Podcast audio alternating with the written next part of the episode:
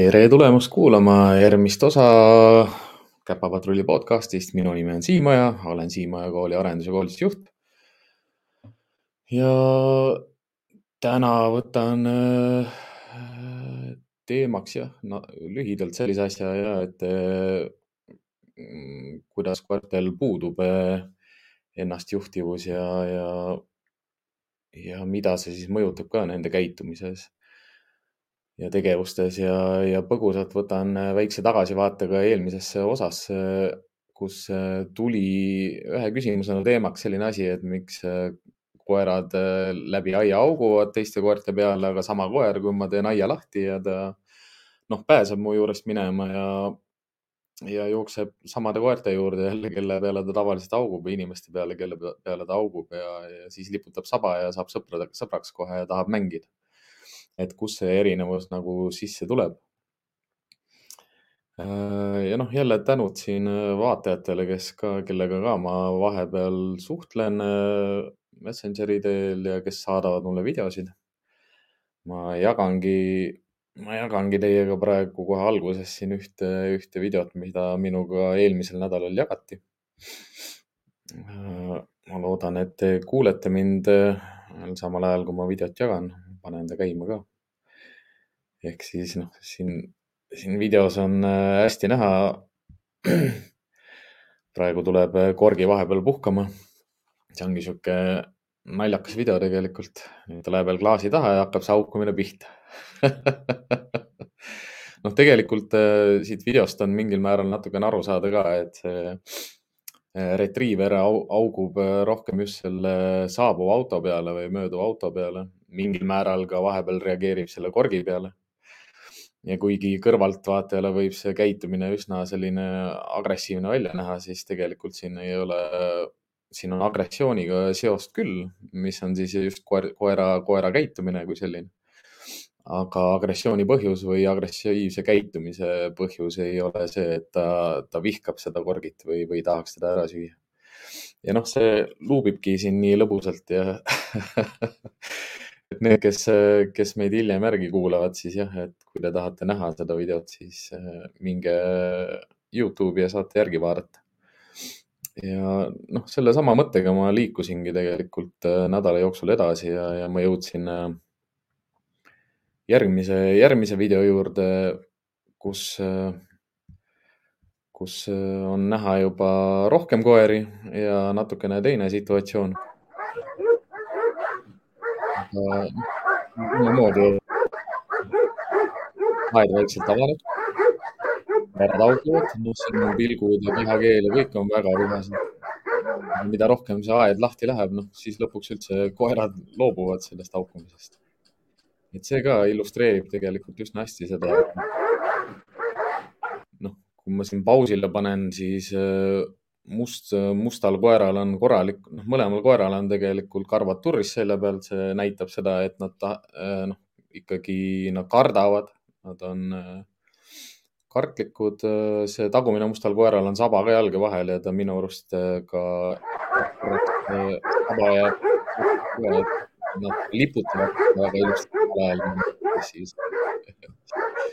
Et see ongi mitu sellist olulist aspekti tegelikult nendest äh, videodest vaadata, et, äh, et noh, liputava sabaga koer ei ole äh, mitte kuidagi nagu sõbralik koer ei pruugi olla ja, ja mida ka teenistusest töötades väga hästi teame, et ega nii-öelda saba liputav koer hammustab väga hästi ja väga tugevalt ja hoiab kinni ka veel, kui vaja on eks noh, kui nad keskenduvad või äh, on rohkem keskendunud sellele haardes püsimisele, siis jah, võib saba seisma jääda, aga saba liputavad nad enne, kui nad haardesse lähevad, ennem kui nad, samal ajal kui nad hauguvad, samal ajal kui nad agressiivselt käituvad ja. aga mis selle käitumise juures ongi selline mingil määral nagu koerte sellist maailma iseloomustav ongi see, et, et kui me räägime inimeste ennastjuhtivusest, siis inimene on psühholoogiliselt palju rohkem arenenud ja, ja oma selliste otsuste ja tegevuste ja käitumise üle saab ta tegelikult otsustada ja juhtida ja palju teadlikumalt ja oskuslikumalt kui koerad. samamoodi ta võtab ka tee, noh, enamus inimesi peaks olema ikkagi ka olema suutelised ka selle oma tegevuse, käitumise eest vastutust võtta, võtma. ja seda endale teadvustama, aga koerte puhul koerte puhul ongi see häda, et äh, noh, see ei ole tegelikult mitte kuidagi häda, see on, äh, see ongi see loomus, mis koertel on, et äh, nad ei ole ratsionaalsed. Nad on instinktiivsed ja nad ei ole intellektuaalsed, nad on rohkem spirituaalsed.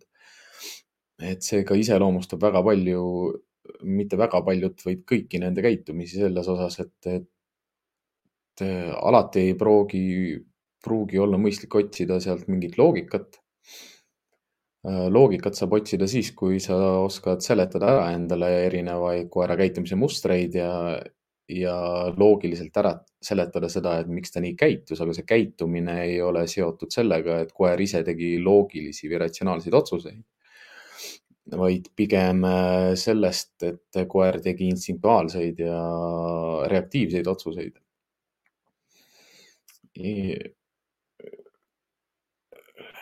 Samas ongi, ongi hästi huvitav ja äh, noh, ütleme niimoodi hästi lihtsal ja, ja, ja, ja madalal, madalal tasemel nagu seda vaadates või alg, all, käitumise just nagu algfaasides nagu jälgida seda, sellest põhimõttest nagu koera käitumist ongi see, et äh, need käitumised paistavadki väga sotsiaalsed ja ja loogilised ja ratsionaalsed ja läbimõeldud välja, sest ta käitubki nii, nagu koerad käituvad. ja selles ei ole mitte midagi valet ega halba. see, see kiil või see, see, see nagu miinus või selline puudujääk, mis seal vahel on, ongi see inimeste ja koerte maailm ehk siis see maailm, kus elame meie, kuidas meie seletame endale asju, kuidas meie inimesena tahame, et mingid asjad oleksid, milline on meie väärtusruum, milline on meie kasvatus, milline on meie kogemus, elukogemus. selle kõige najalt me tegutseme ja teeme otsuseid ja, ja igapäevaselt liigume ja, ja mõtleme ja, ja käitume. koertega ongi sellepärast noh, ikkagi lihtne, et koera käitumine ei ole seotud nii keerukate ja keeruliste mustritega, ei mingite ühiskondlike väärtuste, moraalitunnetusega, mingi voorustega, uskumusega millegisse suuremasse, noh. ja see lihtsus ongi see, milles peitub see võlu, mis on koerte maailmas. ehk siis neid on lihtne koolitada, neid on lihtne treenida, neid on, nendega on lihtne suhelda. aga jah, seal ongi see aga, mis ei tohiks tegelikult sisse tulla et aga seda ei, seda ei ole kerge teha, sest äh, üks mõte, mis mul sellega tuleb, on see, et koerad oskavad meid väga hästi ära lollitada sõna otseses mõttes ja neil õnnestubki see lollitamine ära, sest meie inimesena otsime koera käitumises, näoilmetes, kehakeeles, otsimegi neid äh, selliseid signaale, mida me oleme harjunud ka kõiges nagu leidma looduses. noh, eks, noh, näide sellest ongi see, et, et äh, kuidas inimene näeb äh, Marsil inimese nägu ja kuidas ta otsib kuu pealt mingeid tähendusi ja proovib taevatähtedest leida mingeid konstellatsioone. ja samamoodi, kuidas me osk-, suudame ka pilvedele panna loomakujusid ja, ja lugeda ka tegelikult kõikide teiste inimeste näoilmeid ja, ja emotsioone. et meie silmad ja meie psüühika on väga hästi sellele nagu välja arenenud ja, ja sama, sama selle pilgu ja sama sellise otsimisega me vaatame ka oma neid äh, kõige paremaid sõpru. ja sama pilguga me proovime seletada ka, panna neile külge selliseid inim, inimese käitumisest tulenevaid loogilisi käitumismustreid. et noh, ju ta on pahane, ju ta on kurb, nüüd ta on armukade, nüüd ta armastab kedagi väga palju, nüüd tal, nüüd ta on vihane, nüüd ta on pahane, nüüd ta on solvunud. mida, mida ma olen elu jooksul ära õppinud ka, on see, et, et eesti, eesti keeles on, on palju nagu kiduram või niimoodi vähesem võimalik äh, selgitada ka inimese emotsioone, erinevaid ja noh, koerte puhul ei peagi tegelikult olema neid emotsioonide või nii-öelda. Nüüd ongi see küsimus jah, et, et kas koertel on emotsioonid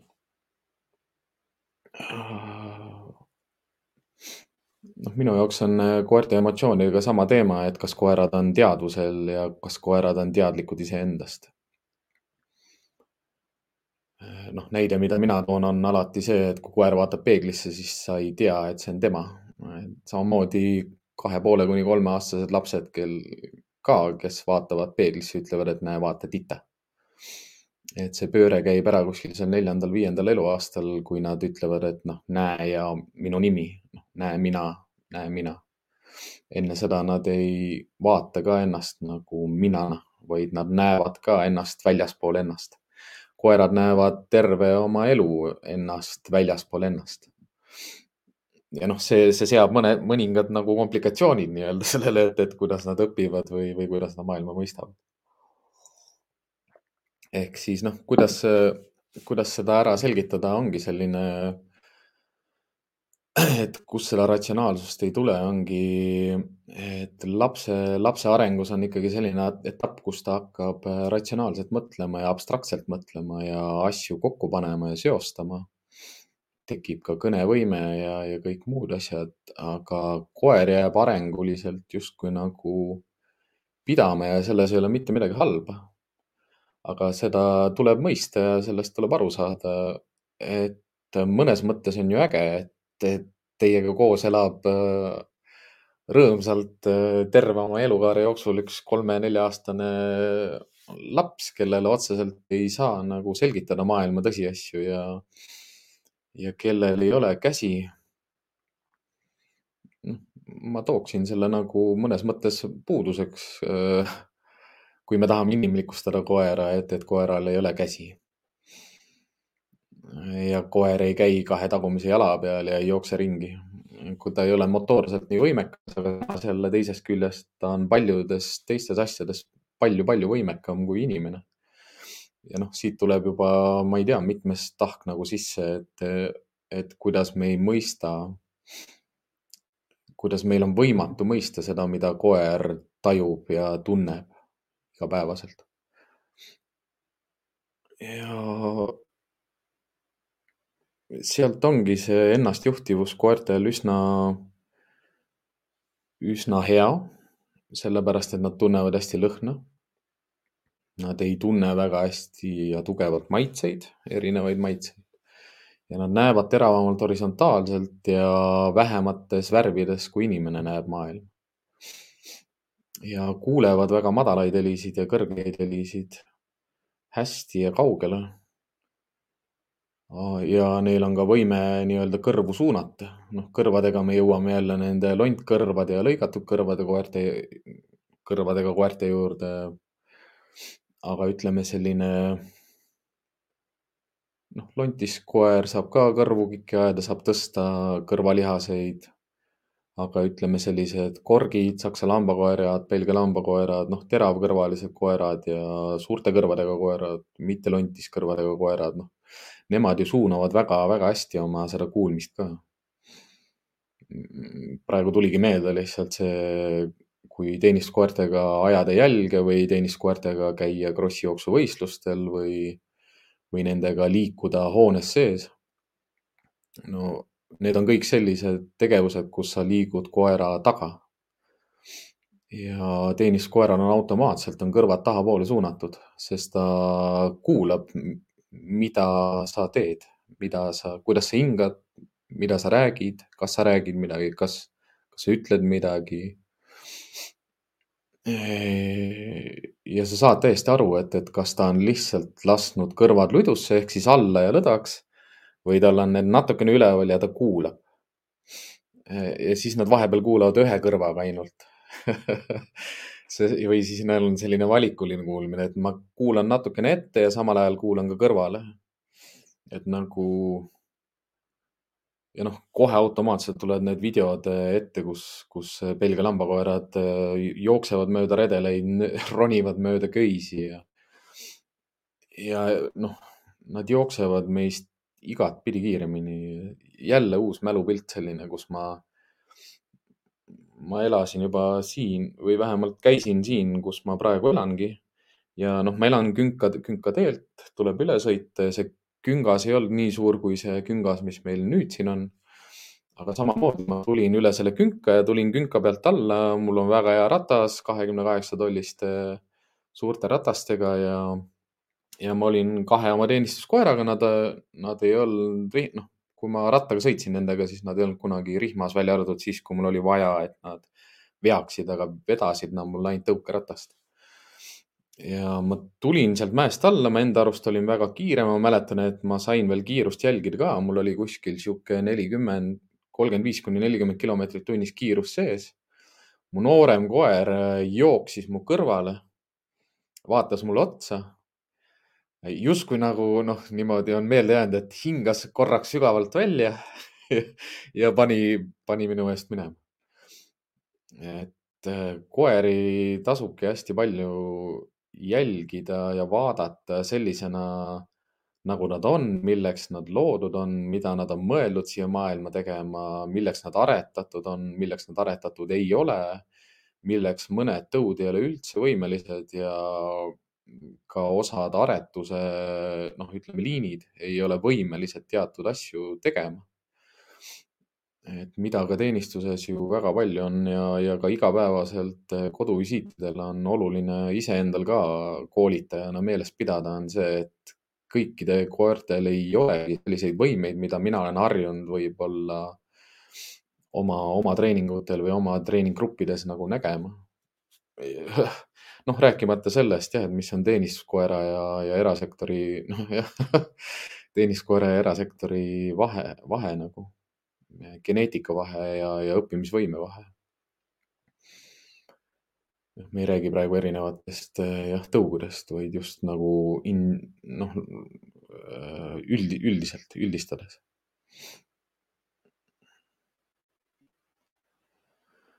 et noh, siinkohal tuletaksin meelde ka jah, et, et, et kõik, kes otse vaatavad, saavad küsida küsimusi.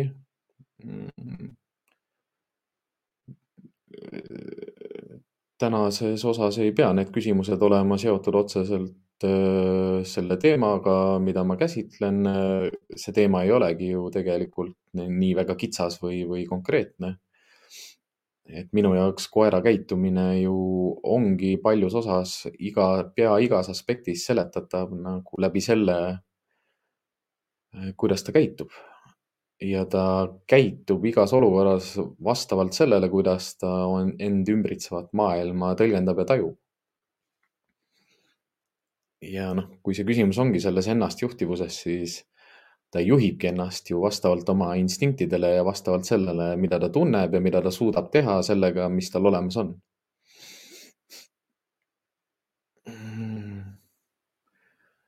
ja noh, siin, siin on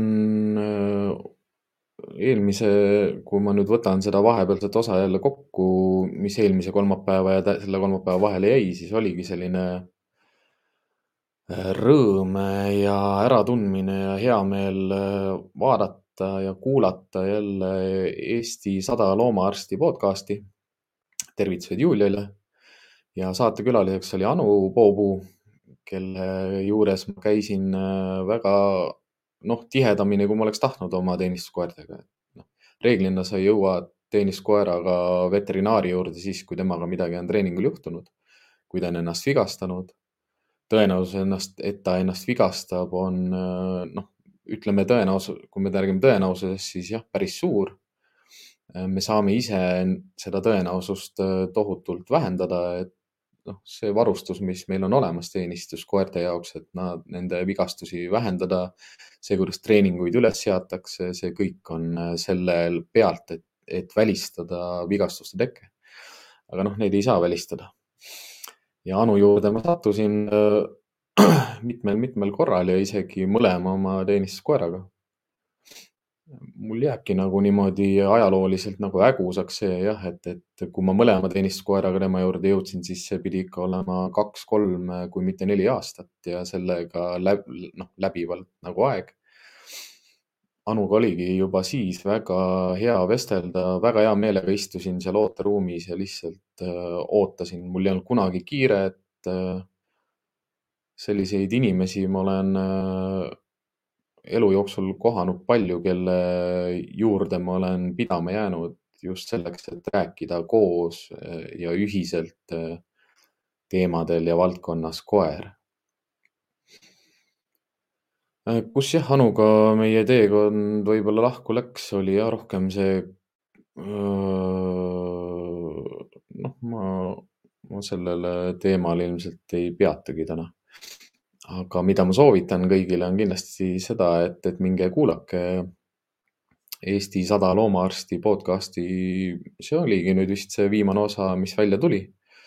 leiate Youtube'is selle ülesse, kui kirjutate otsingusse. ja kuulake, mida Anu räägib. ja mis mul jäigi sellest Anu jutust väga hästi kõlama ja mida ma tahan ka oma kuulajatele korduvalt nii-öelda meelde tuletada, et kui me räägime ka koerte käitumisest või käitumise tõlgendamisest või käitumise lugemisest või käitumise muutmisest või probleemkäitumistest, et joon korraks. seal ongi noh, kolm, kolm võib-olla sellist olulisemat äh, asja, mida, mida endale noh, minu poolest kasvõi korrutada või meenutada või meeles pidada, on see, et koera, koer käitub alati mingis keskkonnas ja keskkond on äh, bioloogiline, sotsiaalne ja füüsiline.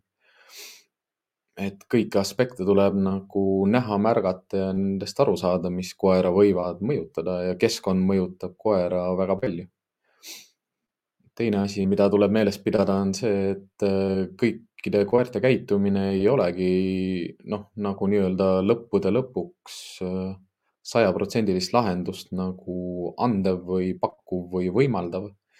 ehk siis äh, osade koerte puhul noh, minu jaoks kõikide koerte puhul tuleb aktsepteerida seda ja mõista seda, et kes see koer mul on, kes ta on mida ta vajab, millised on ta baasvajadused, mis talle meeldib, mis talle ei meeldi. ehk siis see, kes ta on.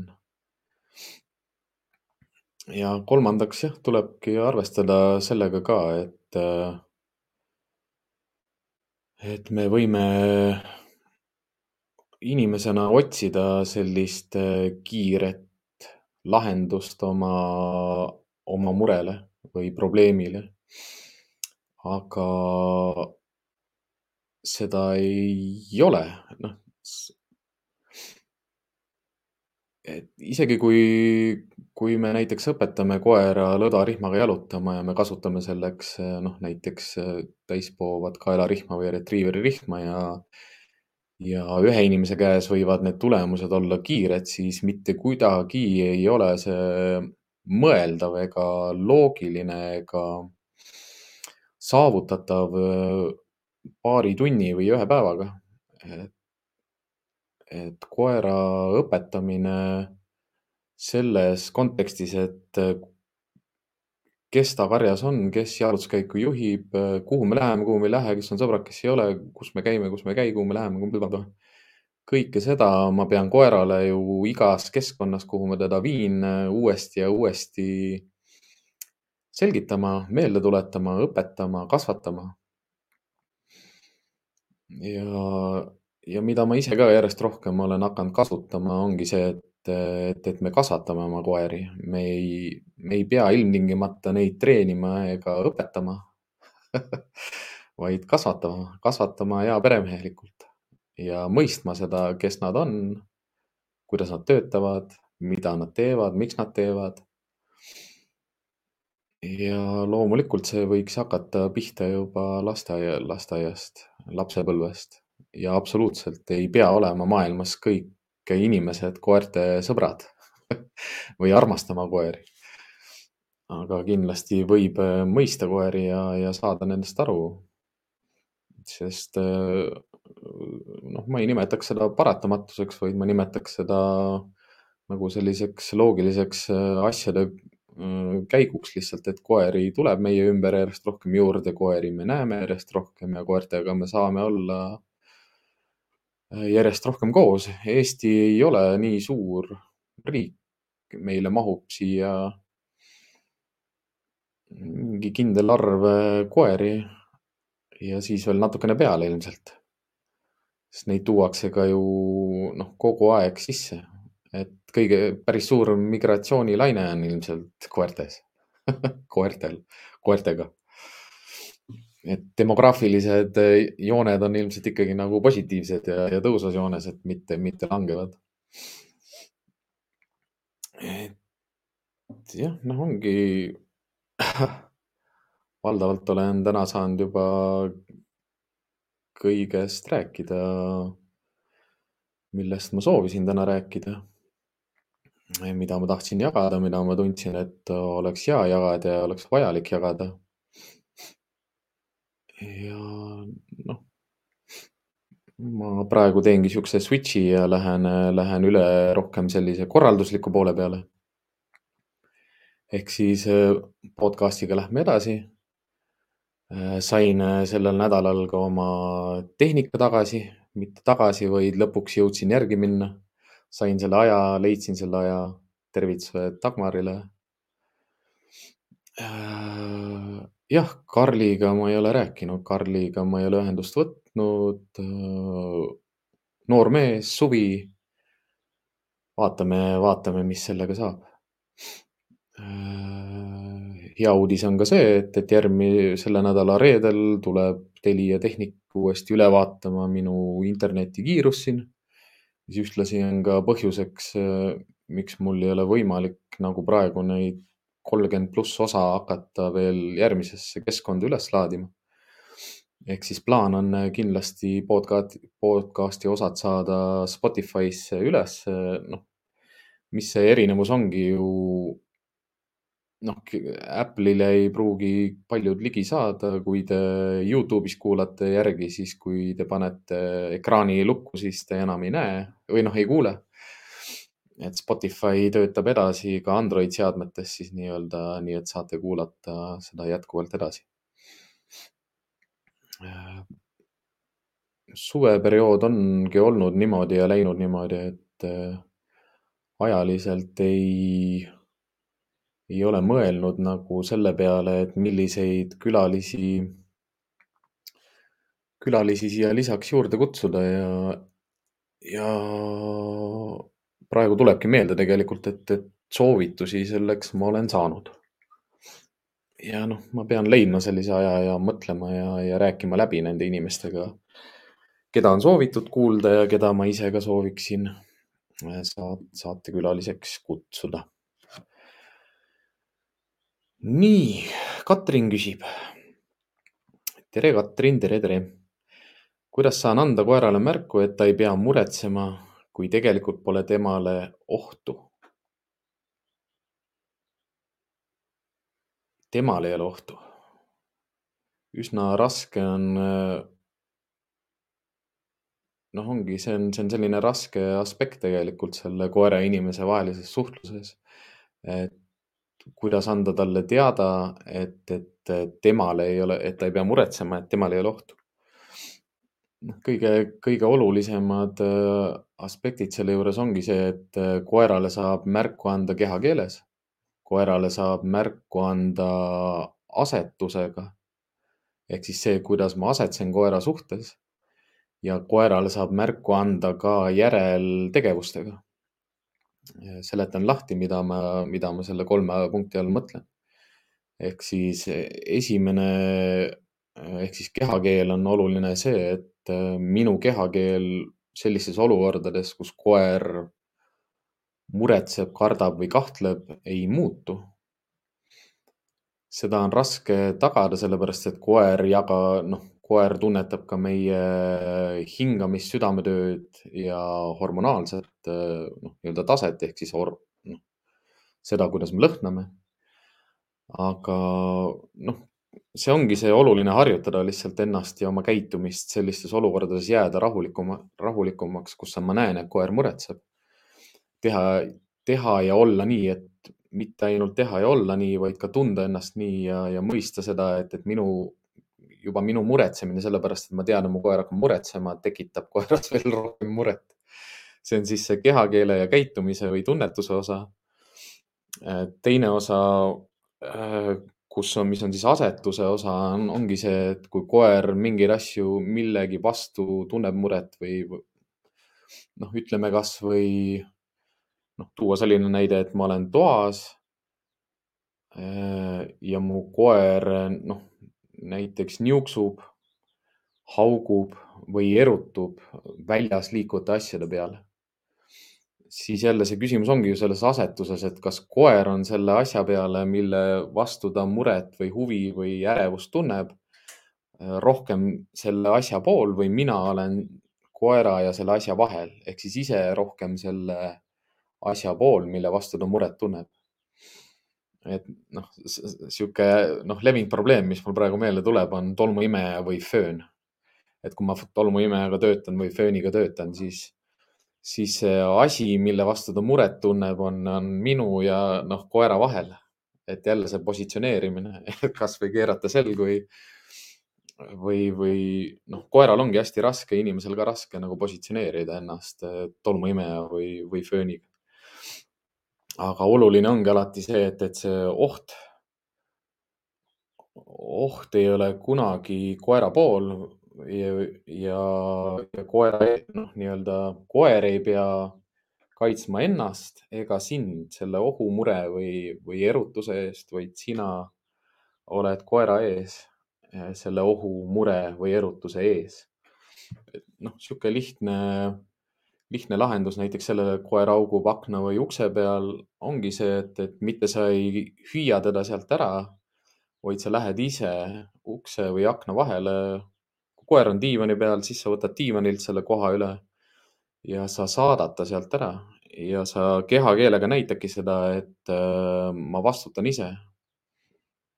ja ma ütlen, annan sulle ka sellise signaali, et, et sina seda praegu ei tee ja sina lähed siit praegu ära et see ongi minu arust nii klassikaline, see, ma panen korraks selle, selle aia video siia ette, ma saan ta uuesti panna käima et kui noh, mõnes selline loogika lihtsalt. kui see aed on, aed on vahel, siis veel koer ei taju seda kaitset või, või abi. kui see aed läheb vahelt ära, siis ta tunneb, et tal ei ole enam nagu sellist võimu või jõudu aga ma saan ise inimesena ka tulla selleks, äh, selleks aiaks sinna vahele, aga mina olen, mina olen nagu rahulik aed. panen selle, selle tähenduse sellele piirile või sellele piirangule loon mina ise, ehk siis mina olen see rahu, mis tuleb alati piiriks vahele, piiriks või piiranguks vahele. läbi minu ei või haukuda, minu peale ei või haukuda minuga koos ei või haukuda, vaid mina olen rahu, mina noh, on, inimene peab koera jaoks olema nagu rahu, tasakaal, piir ja piirangud. mitte, mitte karistaja, keelaja ja, ja pii-, noh, selles mõttes nagu piiraja. ma ei pea olema piiraja, ma pean olema piiride seadja ehk siis piiride õpetaja, piiride andja, piiride selgitaja, piiri, ma saan piire selgitada ka ju koerale rahulikult, mitte karjudes, mitte keelates. ja ma, noh, see ongi pikem protsess ju, sest inimene peab õppima, koer peab õppima ja koer peab õppima aru saama sellest, et mida see inimene tahab.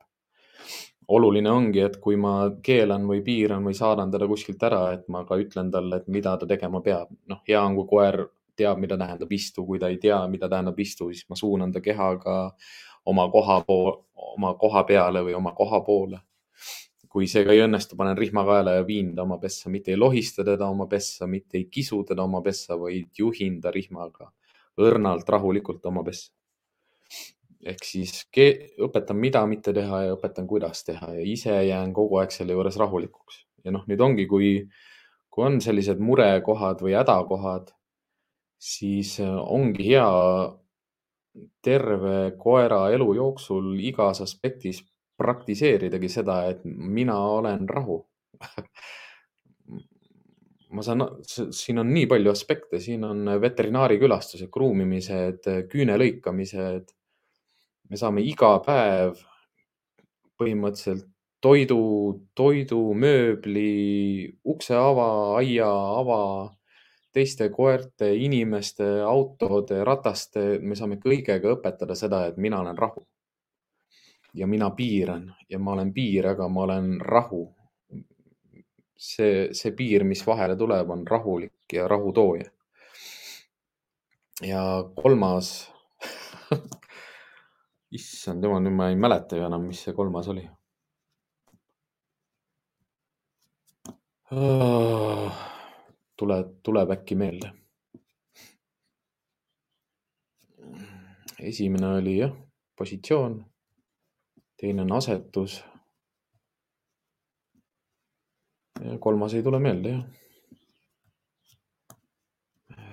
noh, noh, noh, ma arvan, see oli osaliselt siin juba teatud juttudes sees ka. Äh, Johanna küsib, tere Johanna. hei, hei äh, mul on viiekuune Amstaffi kutsikas, mis ma peaksin arvama sellest, et ta tahab kogu aeg lakkuda inimesi ja pere teist koera? Äh, lakkumiskäitumine on kutsikate puhul hästi tavaline, aga me forsseerime seda või siis me inimestena õpetame teda rohkem lakkuma ja seesama käitumine kandub äh, teistele, noh, kõikidele teistele üle, kaasa arvatud siis sellele koerale, teist koera, keda ta lakub. teist koera ta tõenäoliselt lakub ikkagi rohkem algselt sellest, et olla alandlik ja näidata, et ta on väike ja pisikene. Äh, kutsikad lakuvad üld, noh, alustame üldse sealt, ehk siis kutsikad lakuvad teiste koerte nägu, inimeste nägu sellepärast, et nad oksendaksid ehk siis, kui kutsikad on, äh, lähevad just emapiimalt äh, tahkele toidule üle, siis nad peavad ema suud lakkuma, et ta oksendaks. ja noh, ema oksendab neile läbi mälutud toitu. nüüd, kui nad kasvavad suuremaks ja noh, ka kutsikas kasvab suuremaks, siis mida me inimestena teeme, me laskume tihti põlvili, me hoiame neid süles, me musitame neid kui on kodus on veel lapsi, siis nad tassivad käte otsas nagu söögiasju, neil on tihtipeale käed söögiga koos või söögilõhnaga koos, isegi täiskasvanud inimestel on käed söögiga koos.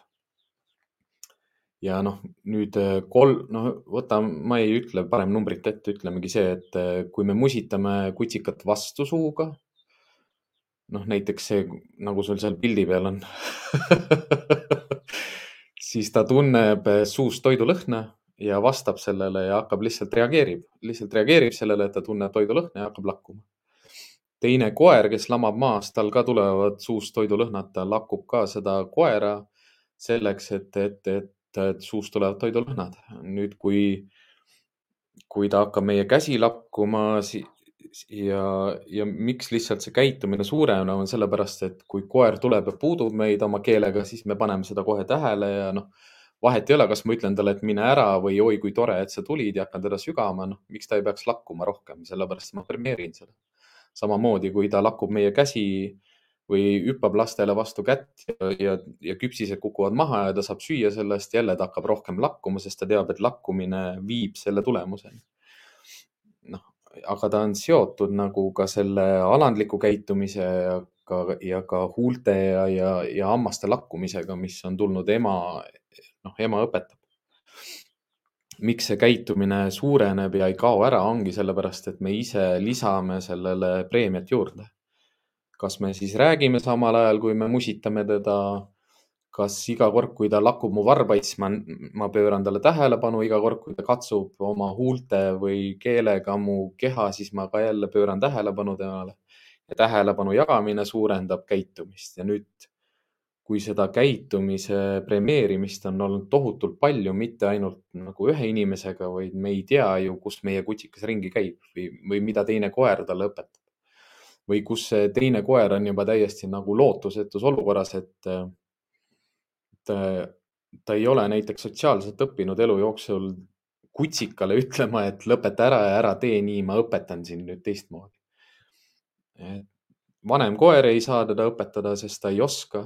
Inimene ei õpeta teda seda sellepärast, et ta õpetab teda tagurpidi. ja, ja see koer ise ka, kes on selle lakkumise ära õppinud, ei saa õppida, sellepärast et me ei mõista täielikult seda, et kuidas keelata või kuidas ümber õpetada või kuidas teha nii, et ta vähem lakuks. aga see, noh, kui ta on juba viiekuune, siis sellest võikski arvata seda, et see on juba kinnistunud õpetatud käitumine. kuidas seda vähendada, ongi jälle see reegel ei katsu, ei räägi, ei vaata, ei musita koera, ei ei pööra talle tähelepanu, kui ta lakub sind või teist koera ja kolmandaks see, et seda peab hakkama keelama, kui ta lakub. noh, mida ma soovin, soovitan teha, ongi kas siis plaks või siis suuga teete lihtsalt. iga kord, kui ta, kui ta tuleb jälle oma keel ees jälle midagi tegema või ta on teise koera juures noh, seal muidugi teise koeraga on alati see, et, et see teine koer võib ka ehmatada ära sellest, et, et, et keda nüüd nagu keelatakse, aga vahet ei ole. oluline ongi lihtsalt see, et ega see, kes keelab, see peab alati jääma rahulikuks ja enesekindlaks. Lihtsalt see hääl, mida te teete, on, ongi selleks, et, et katkestada see käitumine. katkestada see käitumine sellel hetkel, koormata kutsikat pilguga kui, kui pilguga koormamisest ei piisa, siis kehaga, noh, terve kehakeelega. ei tohi kutsikat ära lükata, ei tohi kutsikat ära tõmmata. Jälle seesama, jälle seesama rahu, rahuliku aia vahele tulek, ehk siis sina oled rahu, kes juhib eemale. mitte, mitte jõud, kes juhib eemale ja mitte frustratsioon või viha, mis juhib eemale ja tulebki hakata pühalikult jälgima lihtsalt seda eh, iseenda käitumist ja koera ja teiste inimeste käitumist. et eh, nad ei premeeriks lakkumist. Et laps ei see ongi nagu, mul endal tuleb sihuke pilt ette, et mul on väike laps ja koer ronib talle peale ja lakub ta nägu, noh, laps hakkab ju naerma, ta tunneb ju rõõmu, noh. seda preemiat lihtsalt lakkumisest on nii palju ja noh, millega nagu toetada seda õppimist või seda õnnestumist ongi see, et kutsikaga rohkem liikuda, kutsikaga rohkem teisi tegevusi teha. Kui talle meeldib lakkuda või ta on niisugune lakkumise fänn, noh siis ongi nuuskimismatid, kõik need Karen Bryeri, Karen, ei ole Karen, Niina Otosson. Niina Otossoni mänguasjad on ju, kus ta saab lakkuda ja limpsida ja andku minna nende mänguasjadega ja äkki õpib midagi juurde ka.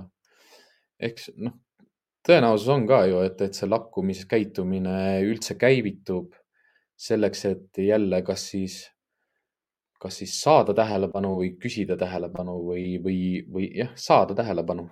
kas siis inimestel, kui inimestelt ei saa, siis läheb, võtab sellelt teiselt koeralt. hea on, et see teine koer võib-olla jah, noh, halb, et, et halb jah, selles mõttes noh, ei ole halb, kõikidel koertel ei ole selliseid oskusi kutsika õpetamiseks. aga olen näinud isegi kutsikaid, kes suudavad kutsikaid, teisi kutsikaid õpetada. Sest sa näed sellist üldist fooni nagu, kus, kus ega see lakkumiskäitumine ei meel, ei, ei ole sotsiaalselt aktsepteeritav üheski nagu normaalses koerakarjas. ehk siis lipitsemine ei ole lubatud Äh, küsimata tähe, noh, ilma kutsumata tähelepanu küsimine ei ole lubatud. Noh, mängukäitumisest tulevad ka kõik need asjad ju sisse ka koerteparkides, ega me isegi ei märka, kui, kui minu koer on jõudnud juba kummardada ja kutsuda teist koera mängima. et see koera käitumismuster on hästi kiire. noh, vanem koer keelab, ähm, keerabki näo ära, aga ta ei, kui vanemal koeral ei ole sellist, sellist äh, hammustust, urinat või haugatust, mida see kutsikas aktsepteerib või usub, siis see kutsikas ei lõpeta ära. aga see vanem koer näitabki väga hästi seda käitumist, mida ka inimesed peaksid tegema. aga inimene peab saama sellise vahendi käitumise või kehakeele mustri, mida koer aktsepteerib keeluna. ja see ei ole ei ega karjumine ega kiskumine ega lükkamine. Et noh, kui, kui me, kui me suudame klassikaliselt tingida selle hääle, selle hääle või, või, või hääle negatiivseks markeriks, noh, kindlasti mitte kasutada klikerit, siis, siis selle markeriga saabki hakata keelama erinevaid asju lihtsalt häälega väga hea on alustada kutsikaga.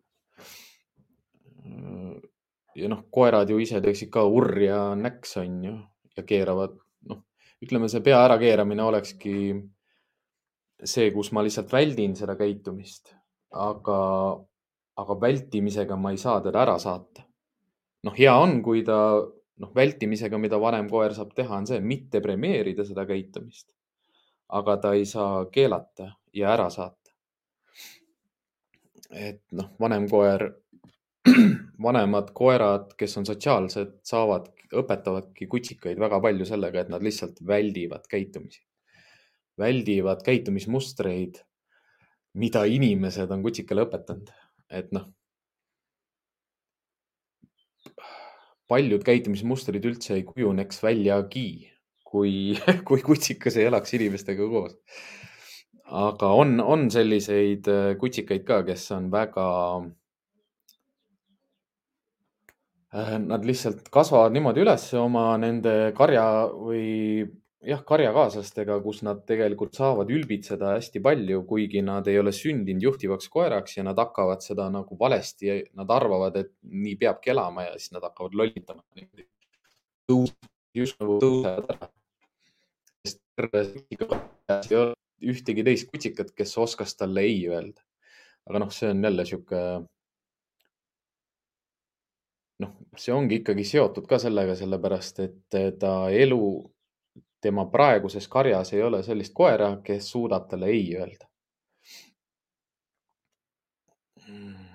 et kui sa, Johanna, viitsid mulle näiteks meili peale kirjutada, siis ma võin Youtube'ist otsida ühe video ülesse, kus on noh, ma ei saa, ma ei saa Youtube'i podcast ides väga palju videosid näidata, sest äh, äh, Youtube bännib, bännib ära selle osa, kui ma kasutan kellegi teise videosid, aga see on üks video ühest Kein Corso kutsikast. see video on vist kaks tundi pikk, kui ta, kui ta oleks nagu see täisvideo on kaks, üle, peaaegu kaks tundi pikk, kus selle kutsika ema proovib teda maha rahustada ja see ei õnnestu väga pikka aega. aga lõpuks õnnestub. Ja noh, koera käitumine muutub ja noh, seda peab kutsika lakkumiskäitumise juures ka nagu märkama, et ta käitumine muutub. ja käitumise muutus ongi selline rohkem, et see erutunud äh, rõõmunägu nagu natukene kustub ta ei pea ludjusse minema, ta ei pea sabat jalge alla vahele tõmbama, aga ta võib ka näo lihtsalt lõdvaks lasta ah,. ja, jah. Enge täpsustas ka jah, seesama, noh, see kutsikas on juba suur, aga noh, noona käitumisest oli ka aru saada, et, et ta ei ole veel murdunud mida ma mõtlen selle all, et ta ei ole saanud veel täiskasvanuks ehk siis ta on veel kutsikas. ta ei ole veel saanud täiskasvanuks. see, see ei ole mitte kuidagi seotud sellega, et ta nüüd ei suuda lakkumiskäitumist nagu vähendada, et suudab ikka, aga sellele peavad kaasa aitama inimesed. inimene saab aidata sellega ka, et noh, mina ise olen olnud kaval, et, et ma oma kutsikaid viin selliste koerte juurde, keda, keda, keda ma tean, kes annavad mu kutsikale peksa ja ma tean, et mu kutsikas ei saa viga. aga ma, noh, ongi, see ongi noh, meie, meie valdkonnas nagu professionaalse koerakoolitaja selline töö, tööriistakast nagu, mida me saame kasutada, mida, mida, mida tavainimesed ei saa alati kasutada, aga kui, kui on ka tutvusringkonnas selliseid äh, emaseid koeri näiteks, kes on sünnitanud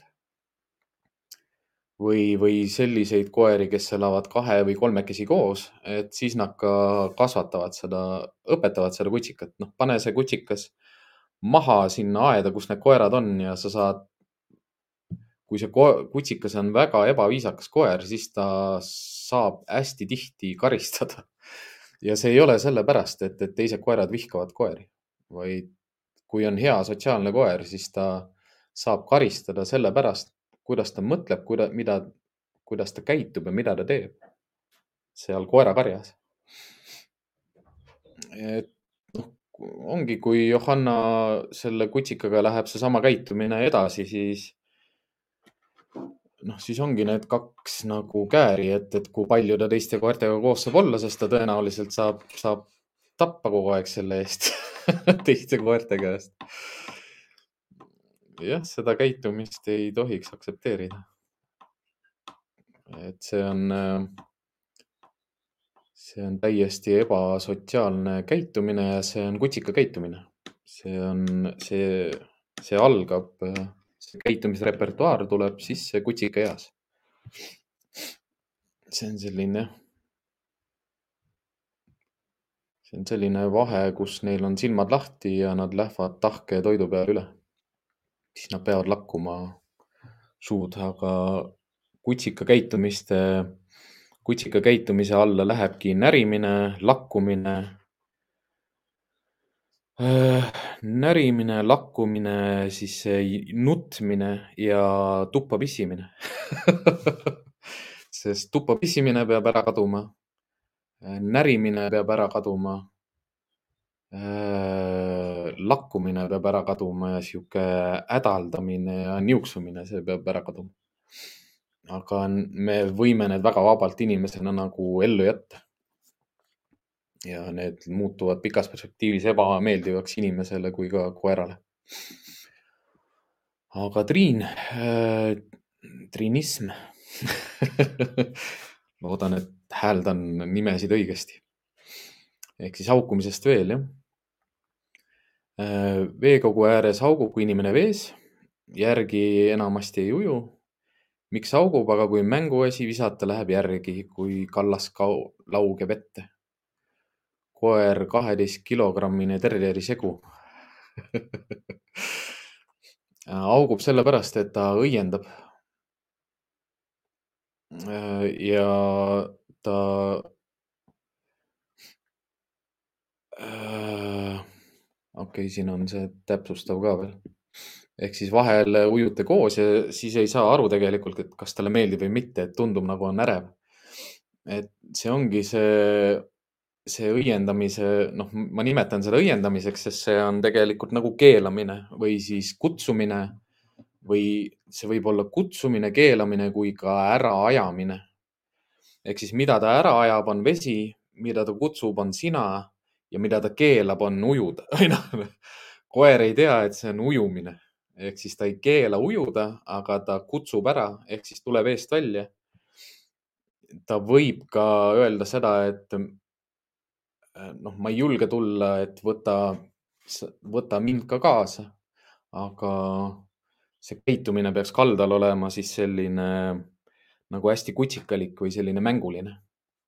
Et noh, mul on su abi vaja, et sa selle viimase tõuke teeksid, aga kui ta vees jah, olles ujudes on ärev või selline kiirustab. Äh, noh, ujub hästi kiiresti niimoodi, et peaaegu tõuseb veest välja, siis on rohkem jah, selline keelamine või kaits, kaitsmisvajadus ja noh, kui me räägime kaheteist kilogrammisest terjerist, noh siis ilmselt tüüpiline on ka sellised äh, sülle võtmised ja tassimised ja kandmised, et sealt tuleb hästi palju seda õpitud abitust. aga, aga ma ikkagi, ma käiksin temaga koos ikkagi ujumas. ehk siis äh, selliste koerte puhul on, on hea võtta neid ujuma kaasa. noh, ma ostaksin talle ilmselt sellise pisikese päästevesti või siis äh, sellise vesti, millel on, äh, millel on sang on selja peal. ja temaga ujumise mõte olekski siis selline, et ma lähen alati temaga koos vette. Ma ei lähe vette niimoodi, et noh, Muki, tule, lähme ujuma, ma lähen ees, aga sa jõuad järgi. noh, ehk siis seda erutust ei tõmba ülesse.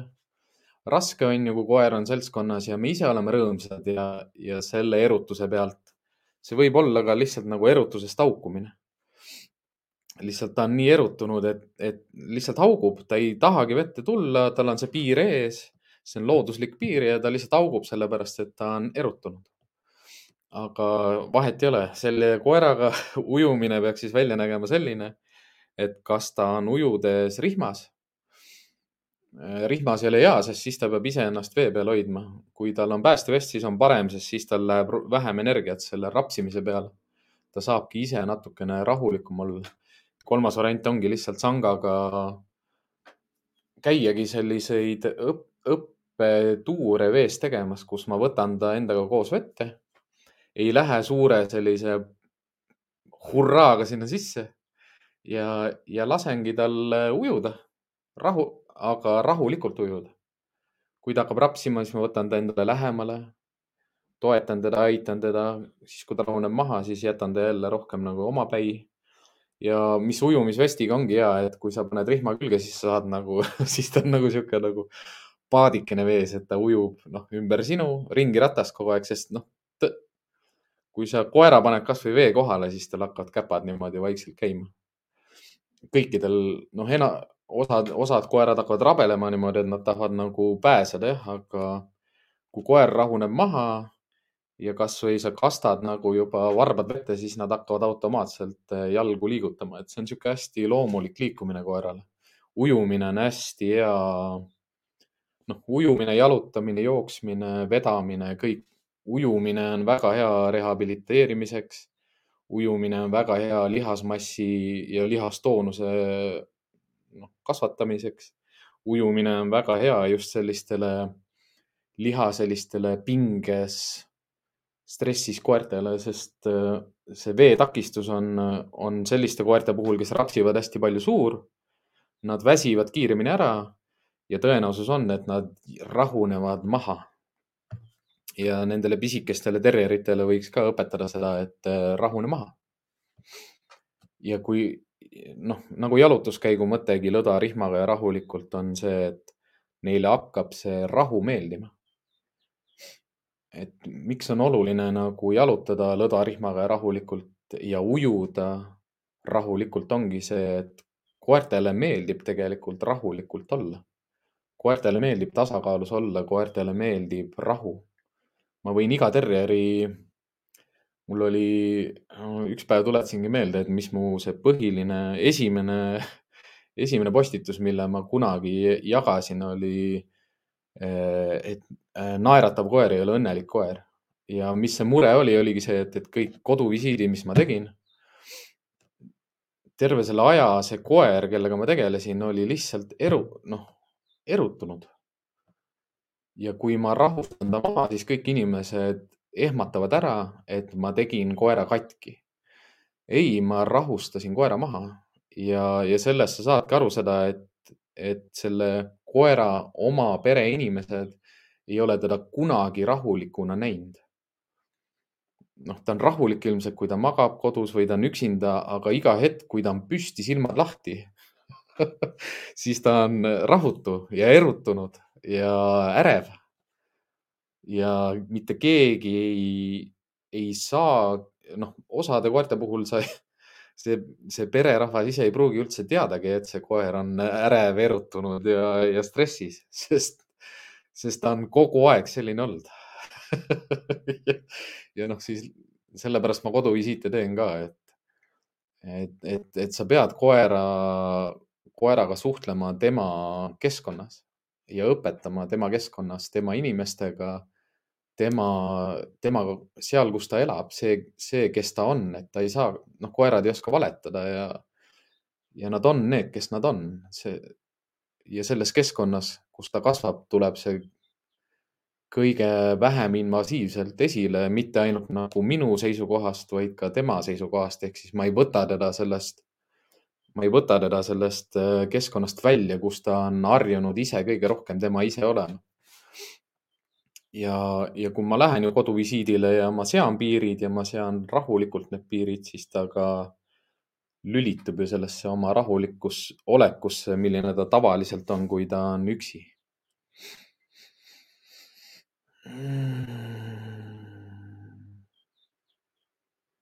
mm.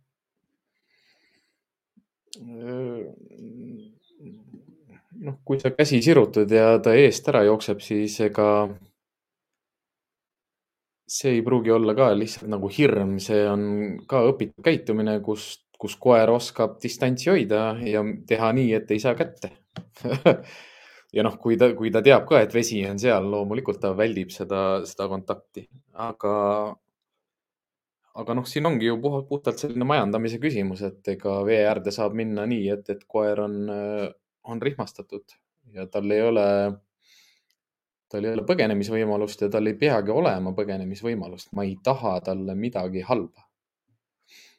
et igasuguse sellise koera hooldamise, puudutamise, küünte lõikamise ja ujutamise ja pesemise juures ongi ju oluline selle inimese enda, enda tunnetus ja oma kehakeel ja oma lihaspinge ja mõttelaad ja mõte, mõte ja kavatsus, mis sellega kaasa käib, peab olema koerale täiesti selge puudutusest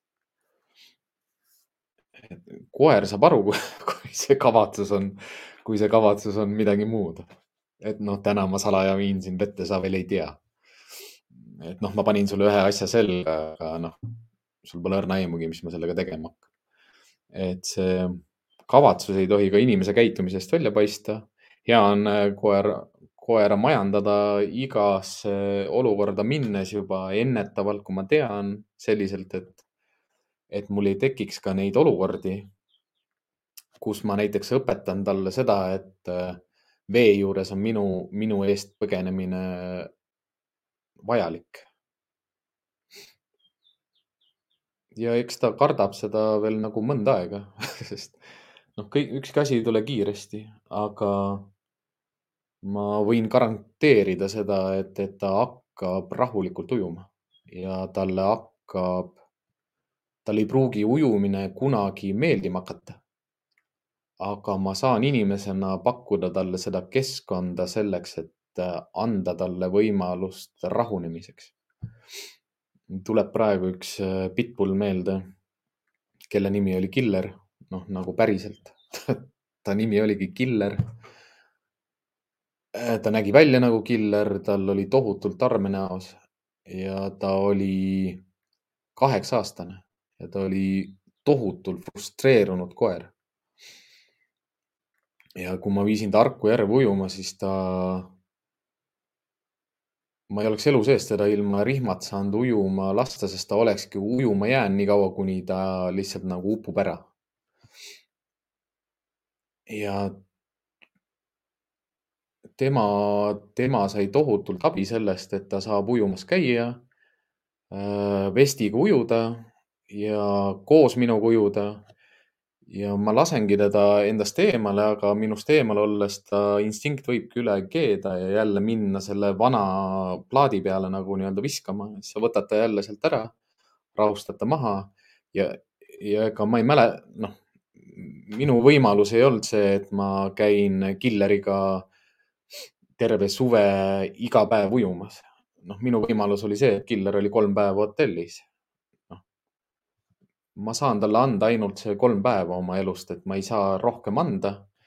aga minu jaoks on see juba väärtus iseeneses, et, et ma tean, et tal oli vähemalt kolm rahulikku päeva versus nagu noh, kõik see, mis võib-olla jätkub või, või, või ei jätku või mine tea, äkki õppis, õppis midagi selle kolme päevaga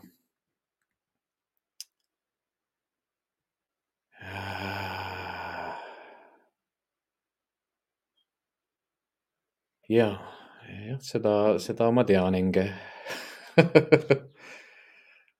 noh, ütleme Karli Remm ju, Karli Remm on äh, üks nendest koertest, äh, kelle juurde võibki teisi koeri, kes on täiesti kat-, no ütleme jah, ütleme, seal on mingid piirid peal. et sihuke sada protsenti punase, punane koer, teda ma ei vii Remmi juurde, sest ma ei taha, et Remm ka viga saaks.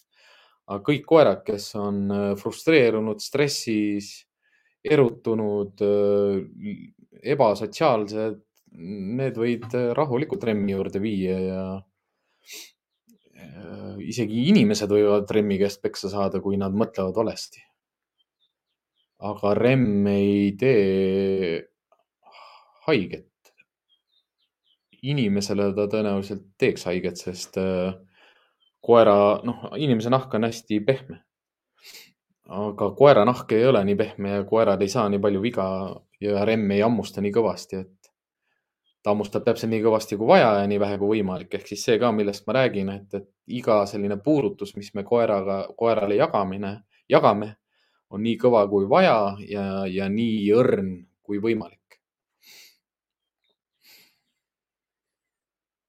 Et jah, noonat ei saa ilmselt nuff-nuffi jah, karistuslaagrisse saata kõik sellised bitid ja amstaffid on ju mängu, nende mängustiil on selline, et, et, et, et teised koerad peavad temaga hakkama saama. Ja, ja, ja tõenäoliselt on ka väga palju selliseid koeri, kellega, kellega tal on ka mingi aeg täiesti kasulik ja, ja lõbus mängida. hea muidugi ka, Enge jah, et sa Nuff Nuffist rääkisid ja selle meelde tuletasid mulle praegu, et Nuff Nuffi päevahoid on kindlasti selline koht, kus, kuhu ka koeri viia. Ka sellisel juhul, kui teil on selliseid muresid, kasvõi, kasvõi sellised mured, et koer on ärev. koer äh, on kartlik. koer on murelik ja ka, ja ka koer on näiteks, ma ei tea, rihmas reaktiivne või noh, agressiivne, noh, agressiivne, rihmas reaktiivne et noh, siit saabki selle, selle osa alguses need videod, kus koerad hauguvad läbi aia, noh nagu võttagi selle, et, et ta ei ole alati niimoodi, et ma saan koera rihmast lahti lasta ja, ja aia ära võtta. aga kui te Nuff-Nuffi lähetegi, ega seal, seal kohapeal olevad inimesed saavad tõlgendada koera käitumist ja oskavad seda teha selliselt, et kas kas see aed võetakse vahelt ära või see aed ei võetagi vahelt ära või see aed hoitakse lihtsalt kauem vahel mm,. noh, suurim kingitus, mida igale koerale saab ju teha, ongi, ongi see, mida mulle meeldib kirjeldada kui see, et äh, ma õpetasin koerale, et ta on koer noh, ta kõlabki täpselt niimoodi ja ta näeb ka välja täpselt niimoodi, et just selliste koerakarjadega töötates on nii mõnus nagu, nii mõnus näha neid muudatusi, mida koerakari suudab tegelikult palju kiiremini teha kui ükski inimgrupp. ja, ja hea on, kui selliseid võimalusi on, kahju on, et neid võimalusi ei ole palju. aga tulevikus ka ma isegi loodan, loodan selliseid võimalusi inimestele ja koertele rohkem tekitada ja võimaldada sel, sellest äh, tunnen kindlasti puudust ja see samamoodi ei ole mingi quick fix ega kiire lahendus, sest äh, me peame tulema siinkohal ikkagi selle keskkonna teema juurde tagasi, et kui ta, kui ta Nuff-Nuffi keskkonnas õpib selle ära, siis see ei tähenda, et ta teistes keskkondades, äh, teistesse keskkondadega, teiste selle üle viib. noh, koera treeningus nimetatakse seda generaliseerimiseks või üldistamiseks koer, koer peab õppima seda käitumist üldistama kõikides või siis generalise-, noh, selle käitumise üle kandma kõikidesse keskkondadesse, kus ta elab. bioloogiline, füüsiline ja sotsiaalne keskkond, kõik erinevad keskkonnad, noh, piltlikult võib seda vaadata niimoodi, et iga uks, mis ma avan ja sulgen, on uus keskkond. iga muld, kruus, liiv ja sammal on uus keskkond. Iga mees, naine, laps, teine koer on uus keskkond, et neid keskkondi, kuhu me, kus me peame üldistama seda käitumist, mis me koerale oleme suutnud ühes keskkonnas õpetada, peame me suutma viia üle paljudesse keskkondadesse.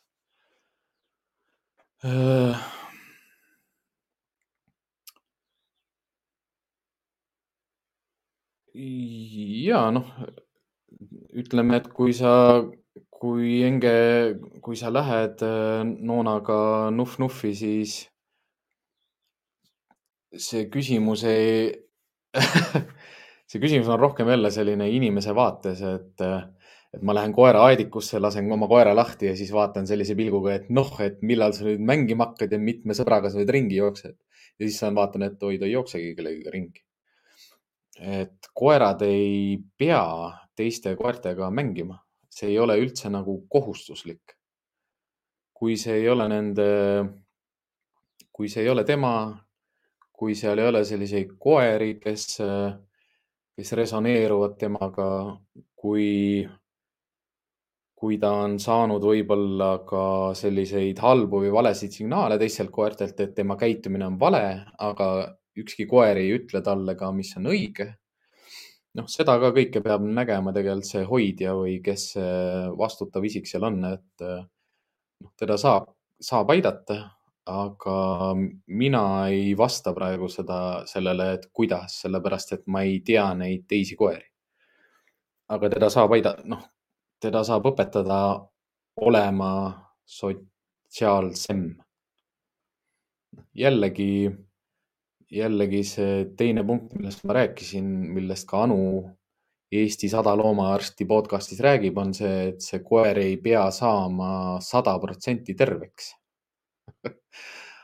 aga ta võib liikuda paranemise suunas. noh, see olekski ka sotsiaalses kontekstis see, et kui, kui, kui see sotsiaalne suhtlus on liiga koormav või ülekoormav siis sellel on mingi põhjus, miks see on ülekoormav. aga seda koormust saab ka leevendada lihtsalt keskkonda majandades. et noh, jällegi Käpapatrulli podcast on tehtud kõikidele inimestele, kes soovivad eh, koerte käitumise teadmisi ja arusaamade kohta õppida ja meie olemegi need, kes saame koeri õpetada ja aidata ja lihtsalt majandades ja nende keskkonda nende keskkonda kujundades ja muutes ja mõjutades. et ei,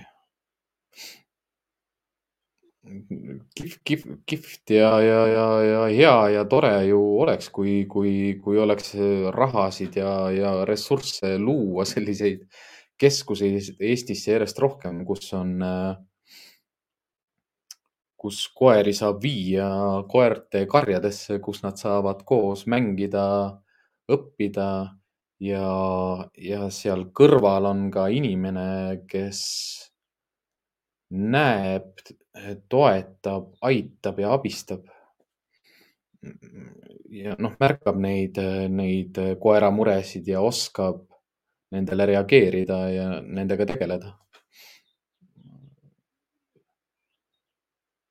olen Anuga siinkohal noh, ühel meelel, et jah, et neid, neid inimesi, kes seda hobi korras teevad Eestis on, on liiga palju. ja professionaale ja eksper-, noh, spetsialiste on liiga vähe. ja, aga noh, nagu ma ka eelnevates osades olen seda rääkinud, on see, et see olukord kindlasti paraneb Eestis lähimate aastate jooksul. nii et olge mureta. kõige olulisem ongi koerte käitumise juures ja igasuguse stressi ja noh, käitumiste juures mitte muretseda. raske teha, oluline meeles pidada. nii et ärge muretsege, teadmatus ei ole lollus et siis jah, nagu te aru saate, tänaseks hakkame lõpetama ja kohtume teie kõigiga, teie, noh, ma ei tea, kas teie kõigiga just, aga kõikide kuulajate-vaatajatega järgmise nädala kolmapäeval. tühje lubadusi ei anna. mina olen kohal. ootan kõiki ettepanekuid külalisteks ja teemadeks. endiselt toetada saab meie tegevust video all olevas teavituses on kirjas kõik rekvisiidid ja kuidas te saate meid toetada ja meie tegevust noh, laiendada ja suurendada. ja endiselt kõik küsimused, kommentaarid, mõtted on hädavajalikud, teretulnud, vastame kõigile. ja loodan ise ka, et, et järgnevad, järgnevatel nädalatel ikkagi mul on selliseid häid uudiseid ka, kus ma saan jagada ka olemasolevate, tänu olemasolevatele toetajatele tehtud investeeringute tulemustest nii et kuulmise ja nägemiseni järgmisel kolmapäeval kell pool üheksa suveõhtul. olge tublid, teadmatus ei ole lollus